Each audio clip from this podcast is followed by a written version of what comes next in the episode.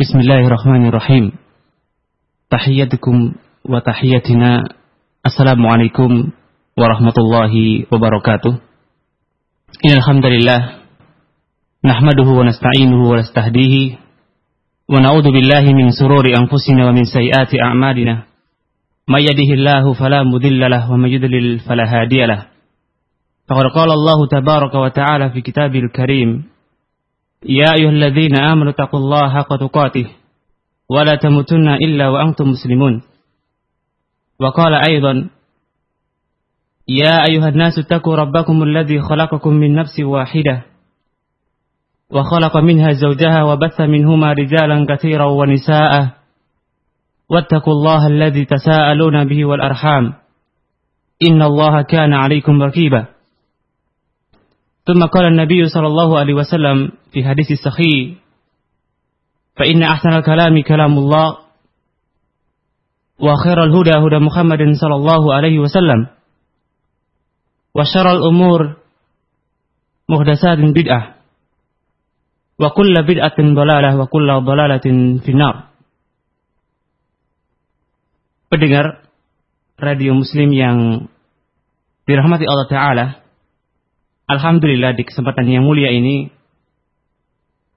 kita masih dipertemukan oleh Allah Ta'ala di majelis ilmu, di majelis yang Allah Ta'ala dan Rasulnya telah berjanji bahwasanya di antara keutamaan orang-orang yang senantiasa mendalami ilmu Allah Ta'ala akan diberikan kewibawaan dan kemenangan kelak di hadapan Allah Ta'ala. Sebagaimana Nabi kita Muhammad Sallallahu Alaihi Wasallam pernah bersabda, tatkala orang itu mempelajari firman-firman Allah dan hadis-hadis Nabi Shallallahu Alaihi Wasallam, beliau mengatakan bahwasanya man salaka tariqan yaltamisu bihi ilman sahalallahu bihi tariqan ilal jannah.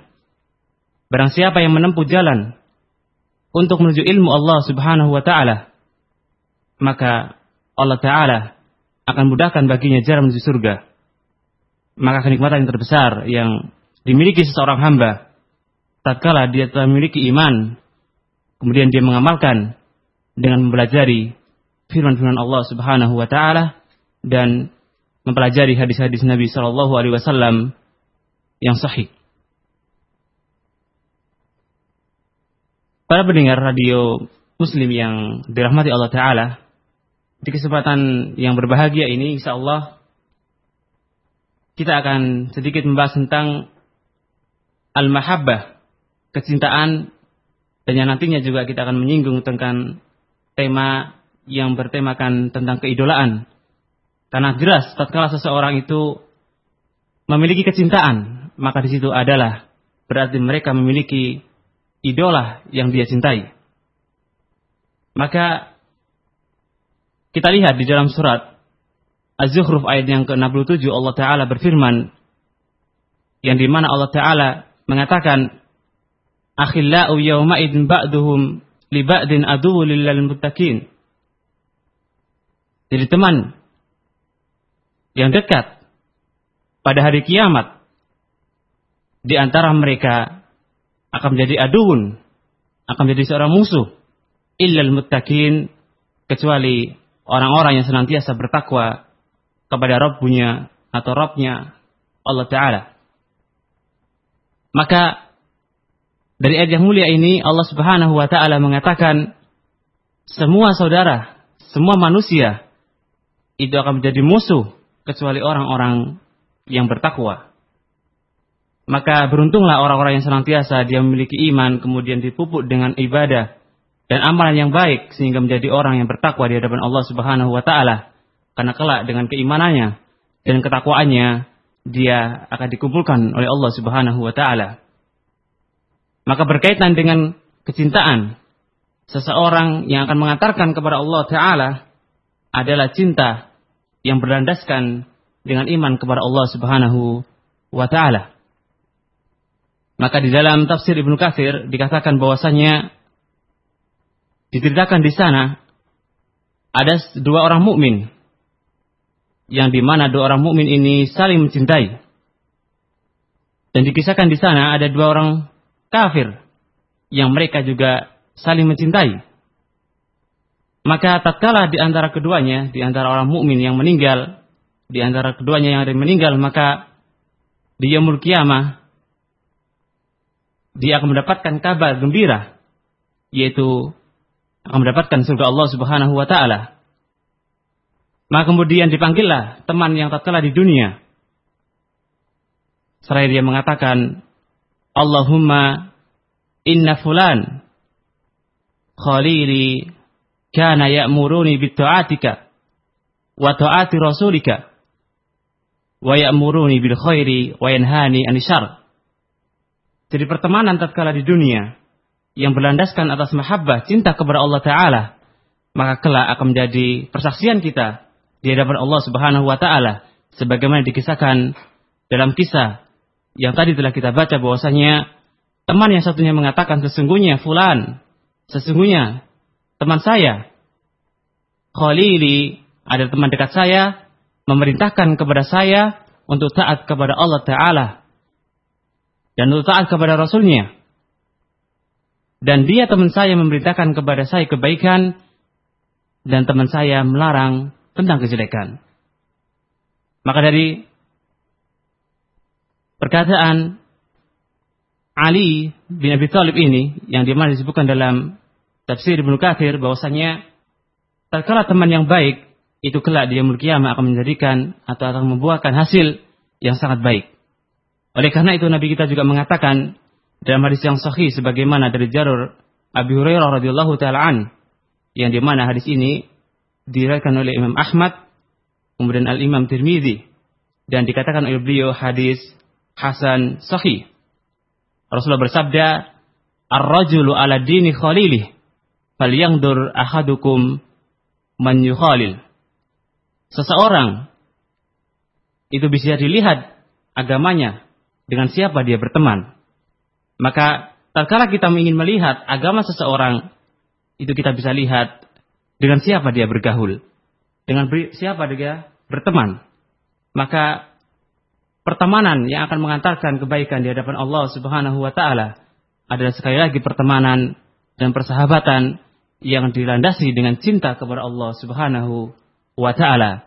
Dalam hadis yang lain Nabi wasallam bersabda sebagaimana yang dibawakan oleh sahabat Abu Hurairah yang di mana juga hadis ini disebutkan dalam Sahih Bukhari dan Imam Muslim yang mungkin telah kita hafal semua bahwasanya sab'atun yudilluhumullahu fi dhillihi yaumun la dhilla illa dhilluhu jadi ada tujuh kelompok atau tujuh golongan yang di mana Allah Ta'ala akan menaungi mereka yang tidak ada naungan pada hari itu yaitu hari kiamat melainkan naungan Allah Subhanahu wa taala.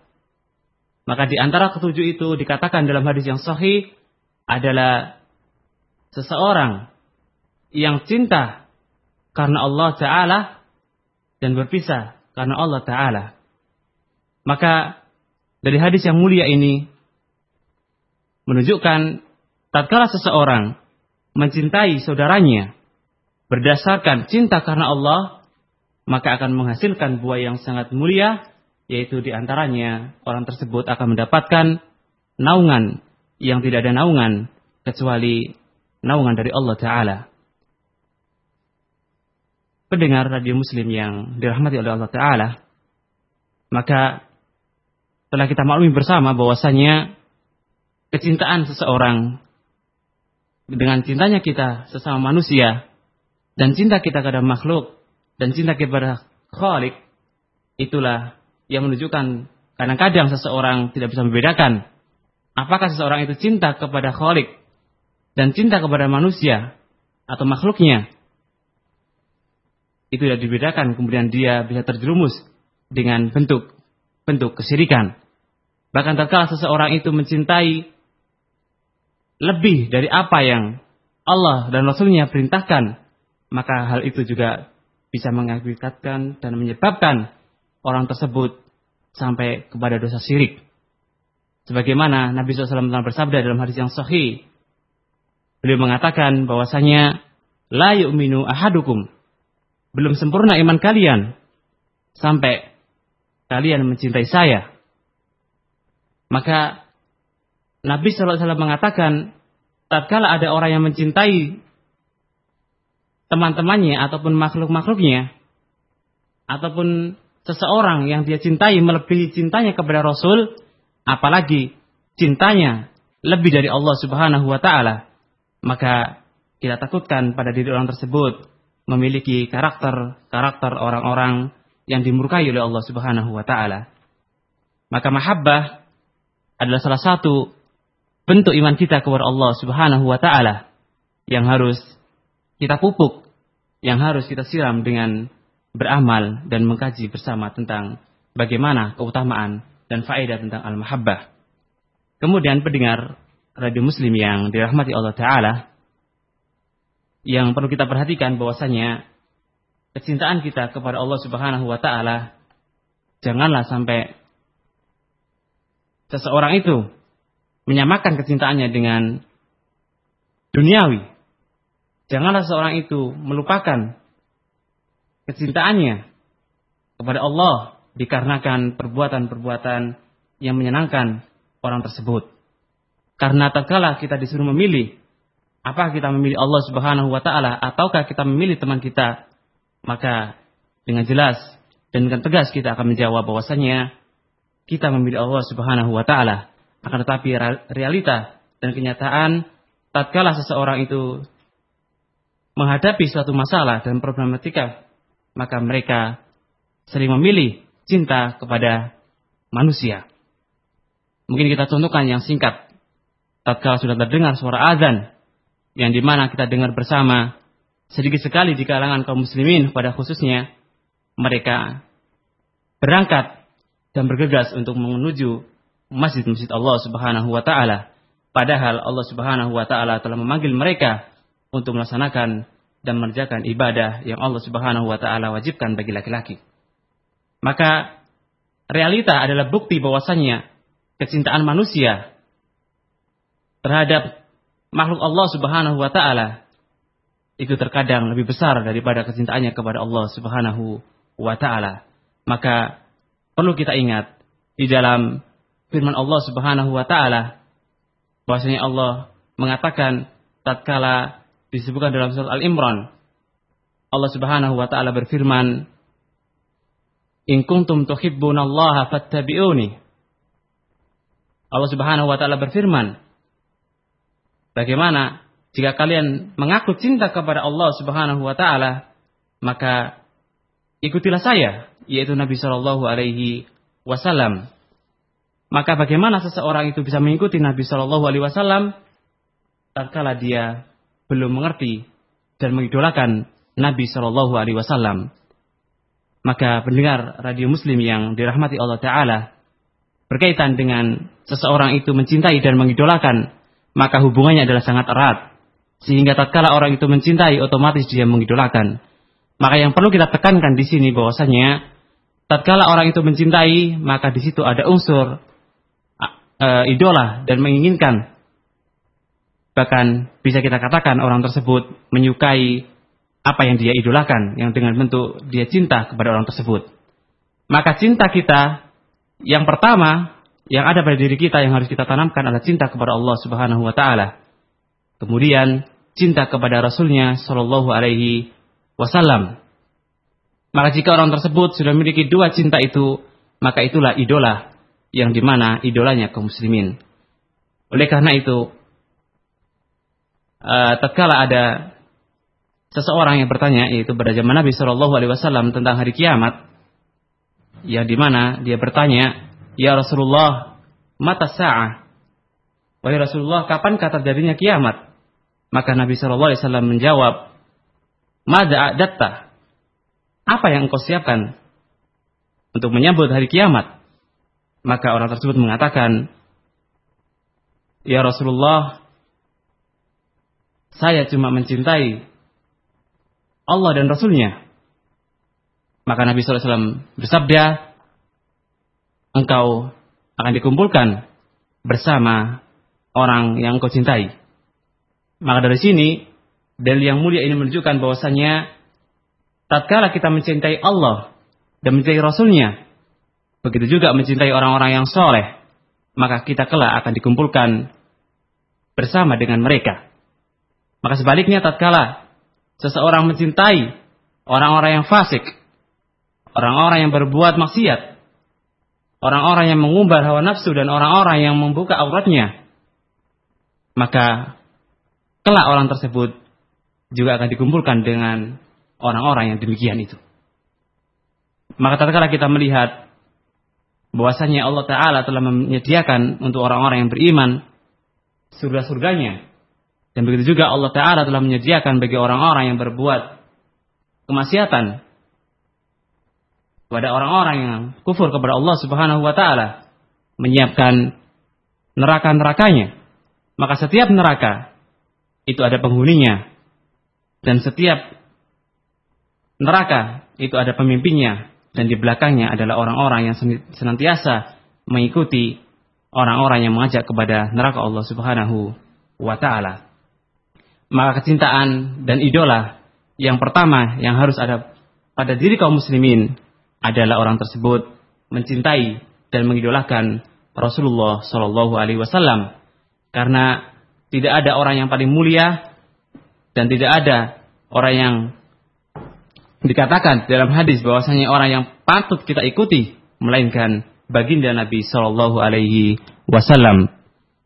Maka tatkala seseorang itu bisa memilih dan mencintai nabinya dengan apa yang diajarkan oleh Allah dan Rasulnya, maka dia akan mendapatkan satu kejayaan dan kemenangan di hadapan Allah Subhanahu wa taala sebagaimana Allah mengatakan bahwasanya inna akramakum indallahi atqakum sesungguhnya orang yang paling mulia di hadapan Allah Subhanahu wa taala adalah orang-orang yang senantiasa bertakwa kepadanya. Kemudian pendengar uh, radio muslim yang dirahmati Allah taala berkaitan dengan kecintaan dan mengidolakan maka Nabi Shallallahu alaihi wasallam pernah menyebutkan dalam hadis yang sahih tatkala seseorang itu ingin memiliki iman yang manis iman yang mungkin bisa kita rasakan kelak di hadapan Allah Subhanahu wa taala. Di antaranya Nabi SAW mengatakan bahwasanya orang tersebut cinta karena Allah Subhanahu wa taala sebagaimana hadis dari Anas bin Malik radhiyallahu taala anhu dari Nabi sallallahu alaihi wasallam beliau bersabda salatun man kunna fihi wajada bihinna halawatal imani tidak ada tiga macam yang di mana tatkala orang itu mengerjakan tiga macam ini akan mendapatkan manisnya iman. Yang pertama kata beliau, ayyakuna Allahu wa rasuluhu ahabba ilaihi mimma siwahuma. Hendaklah Allah dan Rasulnya lebih dicintai daripada yang lain.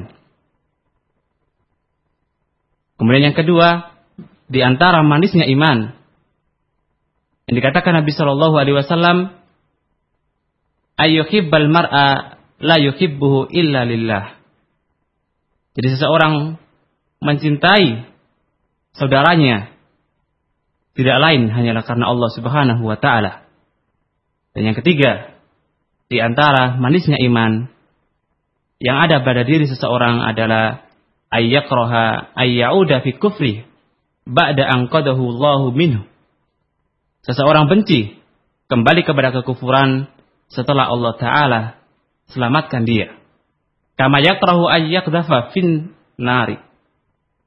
Sebagaimana orang tersebut benci tatkala mau dilemparkan ke dalam neraka Allah Subhanahu wa taala.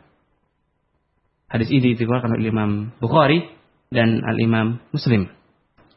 Maka hadis ini juga dalil, dalil yang tegas bahwasanya manusia itu bisa memiliki iman yang manis tatkala di hadapan Allah Subhanahu wa taala jika memang orang tersebut cinta kepada Allah dan Rasulnya. Maka sebaliknya, tatkala sudah dikatakan cinta kepada Allah dan Rasulnya, wajib kita membenci sesuatu karena Allah dan Rasulnya.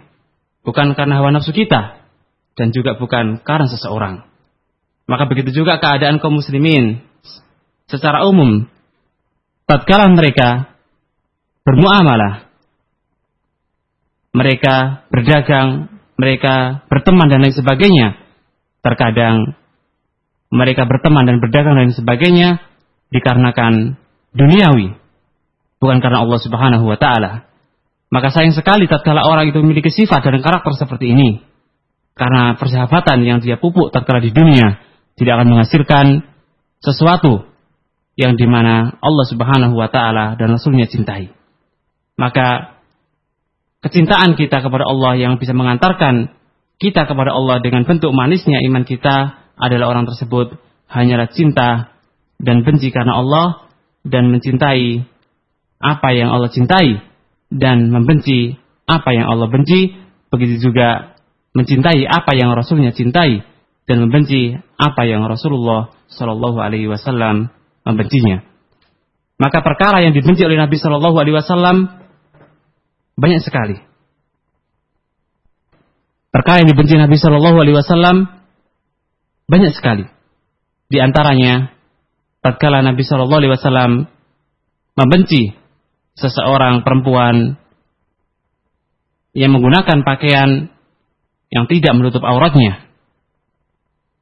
Maka perkara ini yang mungkin kita bisa melihat di media massa walaupun sebagian orang memamerkan dan menampakkan auratnya akan tetapi kebenaran bukanlah dilihat dari banyaknya orang. Terkadang seseorang itu melalaikan dan tidak mengerti bagaimanakah tatkala melihat media massa yang ada. Maka perbuatan tatkala seseorang perempuan itu menampakkan auratnya. Padahal Nabi SAW melarang orang tersebut. Bahkan Nabi SAW mengancam orang-orang yang model tatkala seseorang itu menampakkan auratnya yang tidak pada muhrimnya dengan ancaman dia tidak bisa mencium bau surga yang jaraknya sekian dan sekian. Maka ancaman tatkala orang itu tidak berpakaian dengan Islam, tidak mengunut auratnya secara syar'i, ancamannya adalah Allah Ta'ala dan Rasulnya menjelaskan orang tersebut tidak bisa mencium bau surga yang jaraknya sekian dan sekian.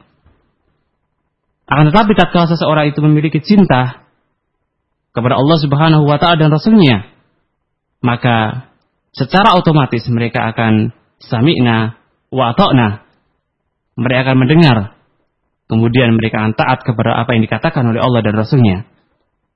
Maka tatkala orang itu bermaksiat dan tatkala mereka itu durhaka kepada Allah Subhanahu wa taala, berarti secara tidak langsung kecintaan mereka kepada Allah dan Rasulnya adalah kecintaan yang mungkin perlu diperbaiki dan bahkan kecintaan tersebut bukanlah kecintaan yang hakiki di hadapan Allah Subhanahu wa taala. Pendengar radio Muslim yang dirahmati oleh Allah taala.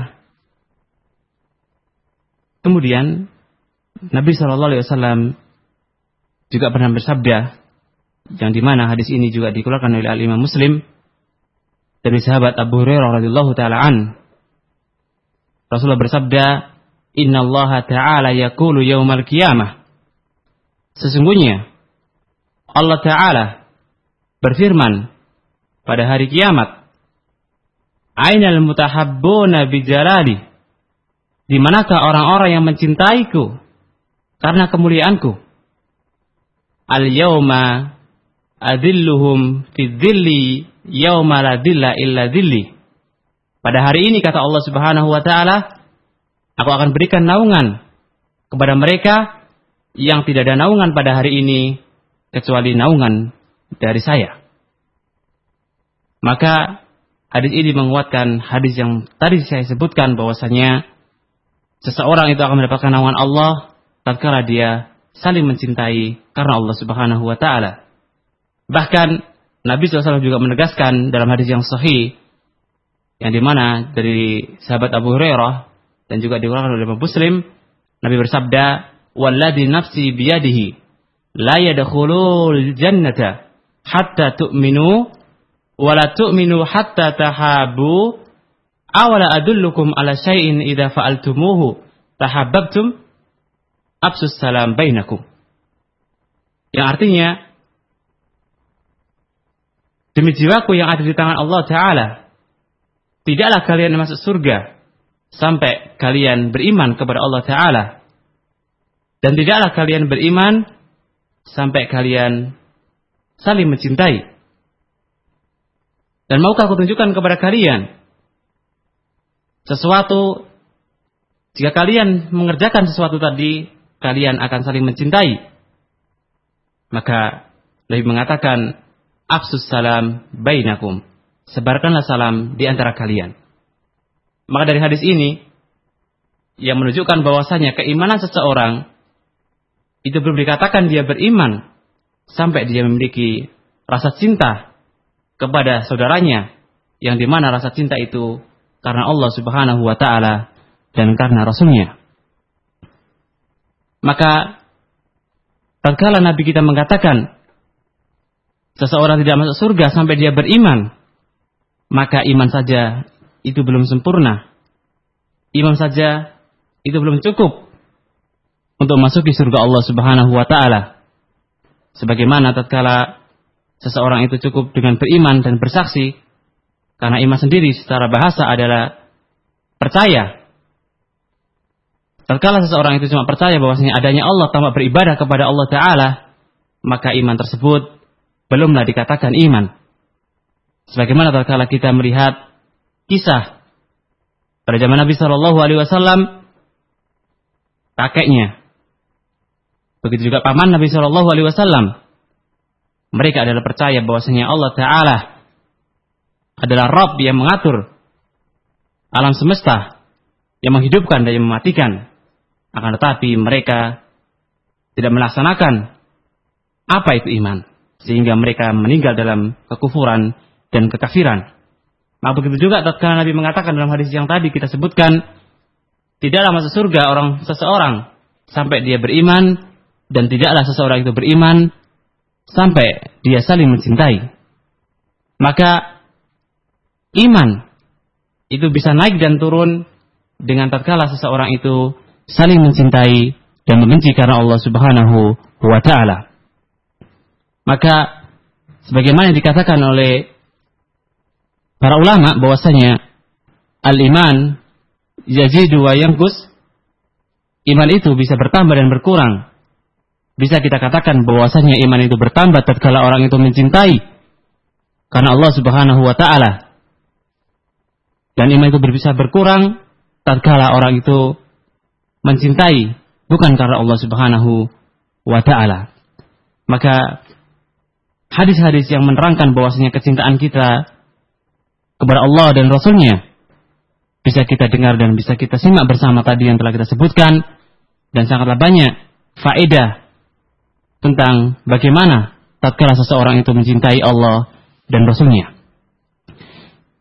Kemudian pendengar radio Muslim yang dirahmati oleh Allah Taala berkaitan dengan kecintaan kita kepada Allah dan Rasulnya, mungkin sedikit ada pada diri kita terkadang orang itu mencintai cenderung cinta kepada sesama manusia yang di mana kadang-kadang kecintaan itu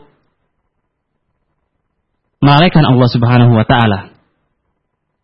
Maka berkaitan dengan juga seseorang itu mencintai sehingga sampai melupakan Allah taala, ini juga berkaitan dengan bahwasanya teman itu adalah bentuk sebagai bukti bagaimana baiknya agama kita kepada Allah Subhanahu wa taala. Maka tatkala kita ingin mencintai Allah dan mencintai Rasulnya, maka jelas kita juga perlu memperhatikan dan melihat dengan siapakah kita bergaul, dengan siapakah kita berteman, sehingga bisa menghasilkan suatu yang bisa memberikan manfaat dengan pertemanan dan persahabatan kelak di yaumul kiamah. Nabi SAW pernah bersabda sebagaimana dari Abu Musa al-Asari radhiyallahu taala anhu. Rasulullah bersabda masalul jalisi salih wasu perumpamaan teman yang baik dan yang buruk. Karena ini berkaitan dengan tatkala orang itu memilih teman Tatkala teman itu tidak memiliki rasa cinta kepada Allah, maka seseorang itu juga tidak memiliki cinta kepada Allah Subhanahu wa taala. Maka beliau mengibaratkan tahamilil miski. Tatkala seseorang itu berteman dengan orang yang baik, tatkala seseorang itu bersahabat dengan orang yang baik, Nabi Shallallahu Alaihi Wasallam mengibaratkan orang tersebut seperti berteman dengan orang penjual minyak. Maka perumpamaan ini Nabi SAW mengatakan seandainya kita tidak beli minyaknya, kita akan mendapatkan harum apa yang dibawa oleh si tukang minyak. Maka perumpamaan ini menggambarkan bahwasanya tatkala seseorang itu bersahabat dengan orang baik, otomatis dia akan mendapatkan kebaikan dari orang tersebut dan insya Allah orang tersebut akan menghadap Allah Ta'ala dengan hati yang gembira, dengan hati yang mulia, sebagaimana tatkala orang itu berteman dengan orang yang beriman. Sebagaimana Allah mengatakan bahwasanya fa'ammal ladzina amanu fayamalu as-solihat fahum fi raudati yuhbarun. Adapun orang-orang yang mereka beriman dan mengamalkan amal soleh, maka mereka akan berada di dalam surga dan mereka tertawa di dalamnya. Maka kecintaan seseorang kepada seseorang tatkala dilandasi dengan iman dan kemudian cinta kepada Allah akan menghasilkan sesuatu yang memberikan manfaat kepadanya. Maka sebaliknya, Nabi mengatakan bahwasanya perumpamaan teman jelek adalah seperti kita berteman dengan pandai besi yang di mana dikatakan oleh beliau Shallallahu Alaihi Wasallam seandainya kita tidak memandaikan besi atau tidak memberikan besi kita kepada mereka, kita akan terkena api yang ada pada si pandai besi. Maka dari hadis yang mulia tadi, suatu persahabatan itu bisa mengantarkan kepada Allah Subhanahu wa taala dengan kemenangan tatkala sahabat kita itu didasari dengan iman kepada Allah dan cinta kepada Allah Subhanahu wa taala. Kemudian pendengar radio muslim yang dirahmati oleh Allah Subhanahu wa taala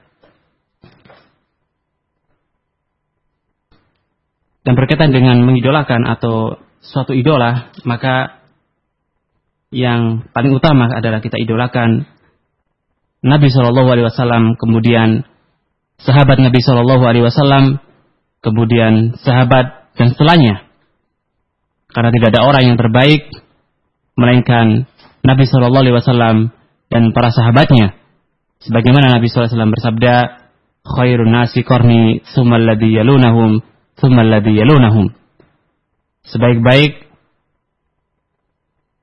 umatku adalah pada generasi saya. Kemudian setelah saya dan setelah saya. Maka tatkala seseorang itu mencari idola, mencari persahabatan, mencari teman dekat, maka lihatlah bagaimana para sahabat Nabi Shallallahu Alaihi Wasallam tatkala mereka bersahabat, begitu juga tatkala mereka beribadah, begitu juga bagaimana tatkala mereka bermuamalah, begitu juga bagaimana tatkala mereka berakidah. Maka idola yang paling baik, idola yang akan mengantarkan kita kepada Allah Subhanahu wa taala adalah idola yang dikatakan oleh Nabi Shallallahu alaihi wasallam yaitu orang yang terbaik adalah generasi sahabat radhiyallahu taala anhum ajmain. Maka pendengar radio muslim yang dirahmati Allah taala sebagai kesimpulan apa yang telah kami sampaikan bahwasanya kecintaan dan idola adalah hubungannya erat sekali. Tatkala orang itu mencintai, maka berarti dia telah mengidolakan orang tersebut.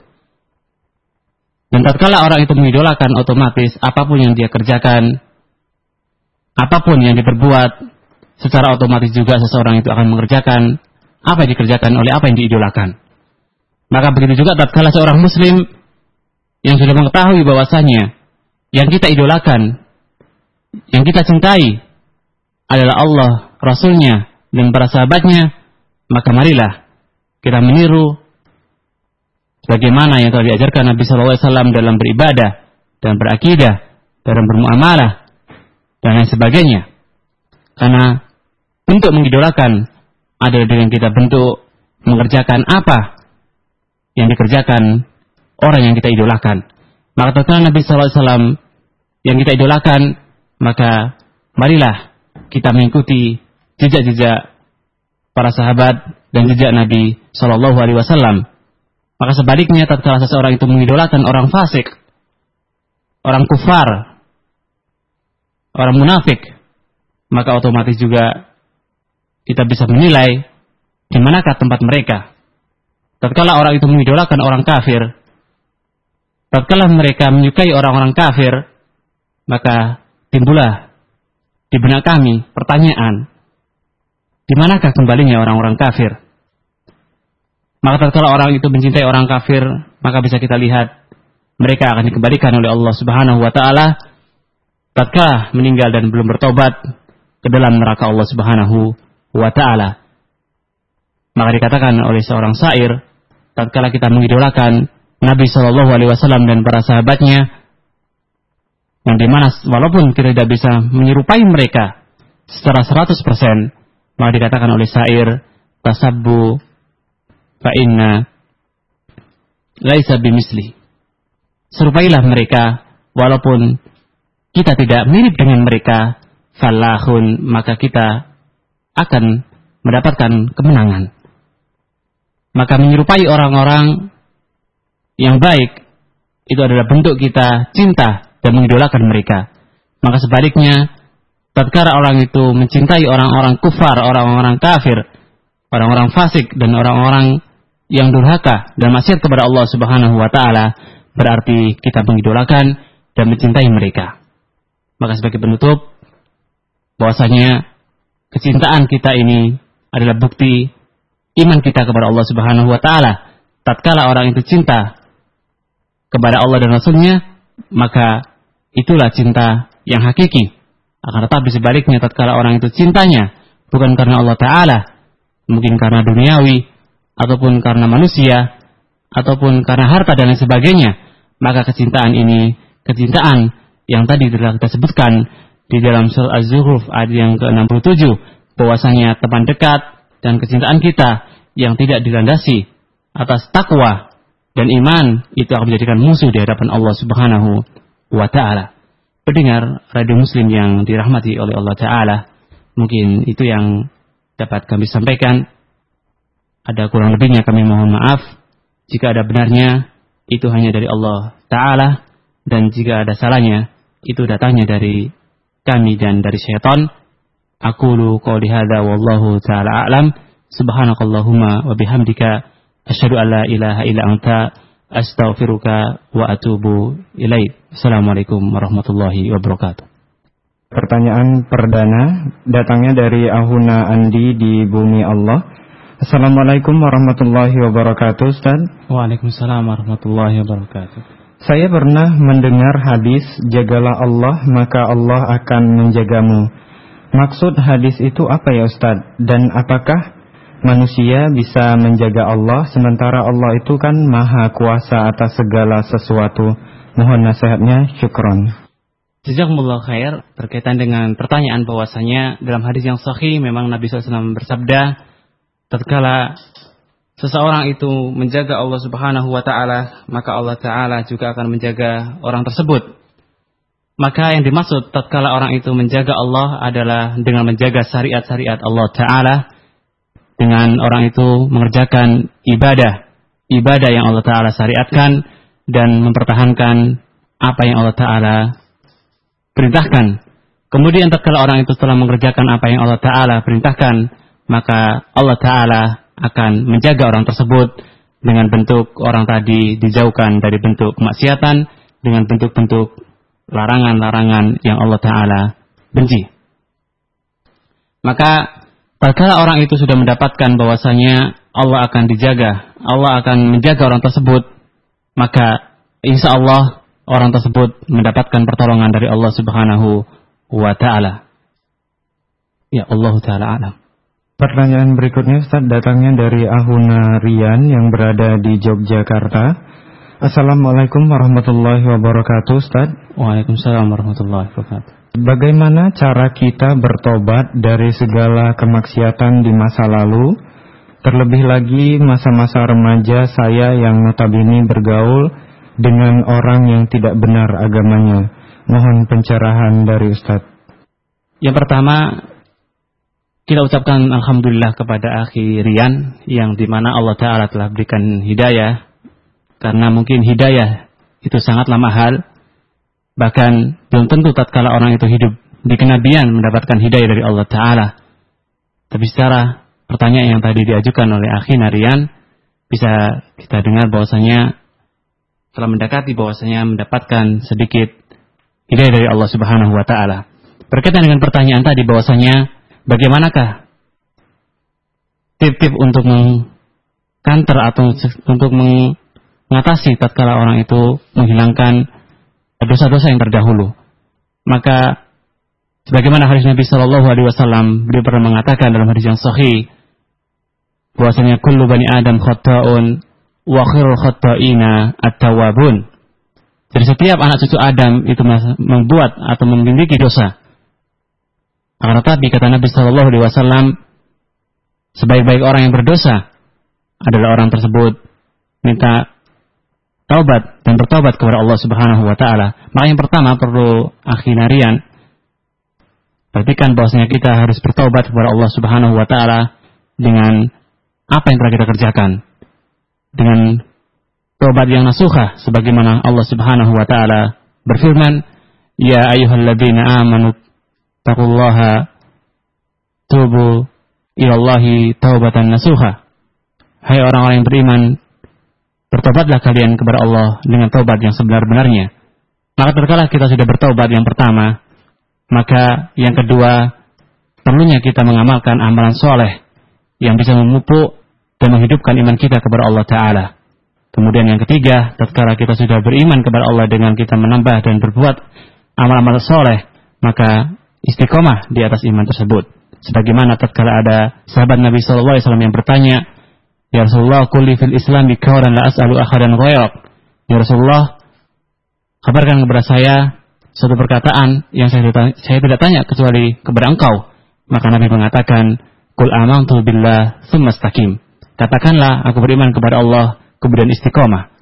Maka sebaik-baik orang yang mungkin tadinya memiliki dosa dan maksiat adalah dia bertobat kepada Allah Ta'ala, kemudian mengamalkan ibadah yang baik, ibadah yang soleh, maka kemudian dia istiqomah, fa insya Allah Allah Ta'ala akan mengampuni orang tersebut, siapa pun dan berapapun dosanya, Wallahu Ta'ala Pertanyaan berikutnya Ustaz datangnya dari Ahuna Ari yang berada di Jakarta. Assalamualaikum warahmatullahi wabarakatuh, Ustaz. Waalaikumsalam Bolehkah kita mengidolakan seorang tokoh, misalnya ustadz atau pejabat, yang adalah lawan jenis kita?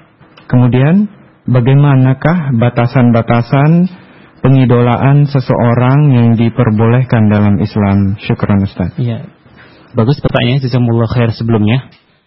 Jadi mengidolakan di sini siapa pun dia, siapa pun yang memiliki keimanan yang lebih tinggi daripada kita, siapa pun dia yang di mana mungkin telah dikatakan oleh Nabi Shallallahu Alaihi Wasallam seseorang yang memiliki kebaikan yang banyak, maka harus kita idolakan.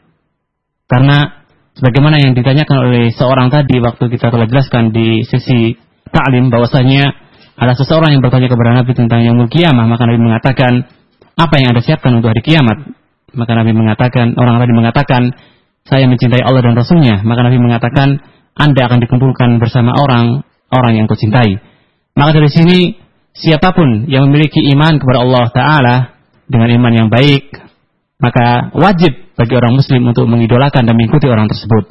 Adapun mungkin batasan-batasan tatkala mungkin ada seseorang muslimah, karena mungkin lawan jenis kita, imannya lebih baik daripada kita, ketakwaannya lebih tinggi daripada kita, maka kita mungkin mengidolakan orang tersebut dengan mungkin kita mengamalkan amalan yang dia kerjakan.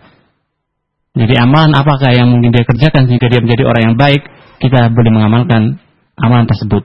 Adapun batasan tatkala orang itu mengidolakan dengan bentuk jangan sampai hulu berlebih-lebihan. Jangan sampai tersebut orang tersebut mencintai orang tersebut lebih cintanya daripada Allah Subhanahu wa taala dan rasulnya. Kemudian berkaitan dengan terkala orang itu mencintai ustadz ataupun mencintai pejabat dan lain sebagainya, maka standar sebagai orang itu wajib mengidolakan adalah idolakanlah orang-orang yang senantiasa memiliki iman dan takwa kepada Allah Subhanahu wa taala atau mungkin sampai bisa kita katakan orang tersebut sampai derajat waliullah. Wallahu taala alam. Pertanyaan berikutnya Ustaz datangnya dari Ahuna Zulfikar. Assalamualaikum warahmatullahi wabarakatuh Ustaz. Waalaikumsalam warahmatullahi wabarakatuh. Yang Anda tanyakan bagaimanakah sikap kita untuk selalu memperkuat hati agar selalu memegang teguh keyakinan untuk menjalankan perintah Allah Subhanahu wa taala. Misalkan dalam hal berhubungan dengan wanita non mahram karena lingkungan kuliah ana selalu mencoba menggoyahkan keyakinan hamba. Syukron Ustadz dari Zulfikar di Samarinda. Jazakumullah sebelumnya. Berkaitan bahwasanya tatkala kita mungkin dunia kita di kampus ya, jadi mungkin seseorang itu memiliki aktivitas yang mungkin bergaul dengan lawan jenis kita atau mungkin bukan makrom kita, maka pada zaman Nabi Shallallahu Alaihi Wasallam juga mungkin Nabi Shallallahu Alaihi Wasallam dan sahabia, nah dikisahkan pada zaman Nabi ada sahabia, pada zaman Nabi sholat subuh, dan pada waktu itu sahabia ini berangkat pagi-pagi dan langsung pulang maka batasan-batasan terkala orang muslim dengan muslimah yang bukan mahramnya ada sebagaimana yang telah Nabi Shallallahu Alaihi Wasallam bataskan, yaitu agar orang tersebut tidak melaksanakan dan mengerjakan sesuatu yang mengantarkan kepada apa yang diharapkan oleh Allah Subhanahu Wa Taala. Suatu contoh mungkin pada zaman sekarang telah menyebar ke mana-mana dengan adanya media massa, tatkala mungkin tatkala orang yang hidup di kampus dengan dia saling ber SMS atau mungkin saling telepon menelpon maka ini adalah salah satu penyakit yang mungkin bisa kita katakan salah satu pengantar untuk berbuat maksiat kepada Allah Subhanahu wa taala yang kesekian. Karena pertama kali tatkala orang itu memiliki media massa dengan mungkin atau mungkin alat komunikasi dan sebagainya, mungkin dia bisa berbuat maksiat, dia bisa berbuat yang lebih jauh. Maka mungkin salah satu trik atau mungkin untuk menghilangkan tatkala kita ada di kampus adalah kita yang pertama bertakwa kepada Allah Subhanahu wa taala yang kedua, kita ikhlas tatkala kita beribadah kepada Allah Ta'ala dan kita menjauhi perbuatan-perbuatan yang mengantarkan kepada kemaksiatan kepada Allah Ta'ala. Mungkin itu, Wallahu Ta'ala alam. Pertanyaan berikutnya yang sudah masuk, datangnya dari Ahuna Apip yang berada di Bogor. Assalamualaikum warahmatullahi wabarakatuh, Ustaz. Waalaikumsalam warahmatullahi wabarakatuh. Apakah setiap orang yang memeluk agama selain agama Islam termasuk orang kafir? Dan bagaimanakah sikap kita terhadap mereka? Jazakallahu khairan. Allah Subhanahu wa taala menciptakan makhluknya tatkala sebelum diciptakannya semuanya, yaitu seperti manusia kita semua, Allah taala telah menciptakan Adam alaihissalam.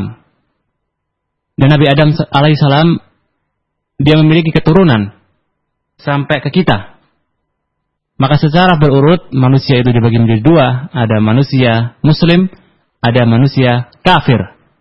Maka bagian orang itu cuma ada dua, yaitu muslim dan kafir. Adapun muslim, mungkin seseorang itu ada yang kata orang Islam KTP ataupun Islam cuma sekedar nama dan sebagainya. Adapun kalau orang itu kafir, mungkin banyak macamnya seperti orang itu Yahudi, orang itu Nasrani, orang itu Hindu, orang itu Majusi dan sebagainya ya di mana memiliki ciri dan identitas beribadah selain kepada Allah Subhanahu wa taala itu dikatakan kafir yaitu golongan yang kedua. Maka juga telah disebutkan dalam Al-Qur'an Al Karim bagaimanakah orang-orang muslim keadaannya, bagaimanakah keadaan orang Islam, bagaimanakah keadaan orang kafir. Allah taala telah disebutkan banyak sekali dalam Al-Qur'an Al Karim. Maka berkaitan dengan bahwasanya tatkala kita menjumpai orang-orang musyrik, orang-orang kafir, kita tetap bermuamalah dengan muamalah yang ma'ruf, muamalah yang baik. Yang di mana Nabi SAW juga terkala mereka, yaitu para sahabat juga terkala mereka hidup dengan orang-orang Yahudi, Nabi SAW juga bermuamalah dengan baik. Mereka juga kadang berdagang dan lain sebagainya. Maka begitu juga kita, terkala kita mungkin menjumpai orang-orang kafir, tetap kita bermuamalah, yaitu dengan kita berinteraksi dengan yang baik kepada mereka, selagi mereka tidak berbuat kedoliman kepada kaum muslimin dan juga selama mereka dalam jaminan pemerintah kaum muslimin. Dan juga selama mereka masih di bawah kaum muslimin. Wallahu taala alam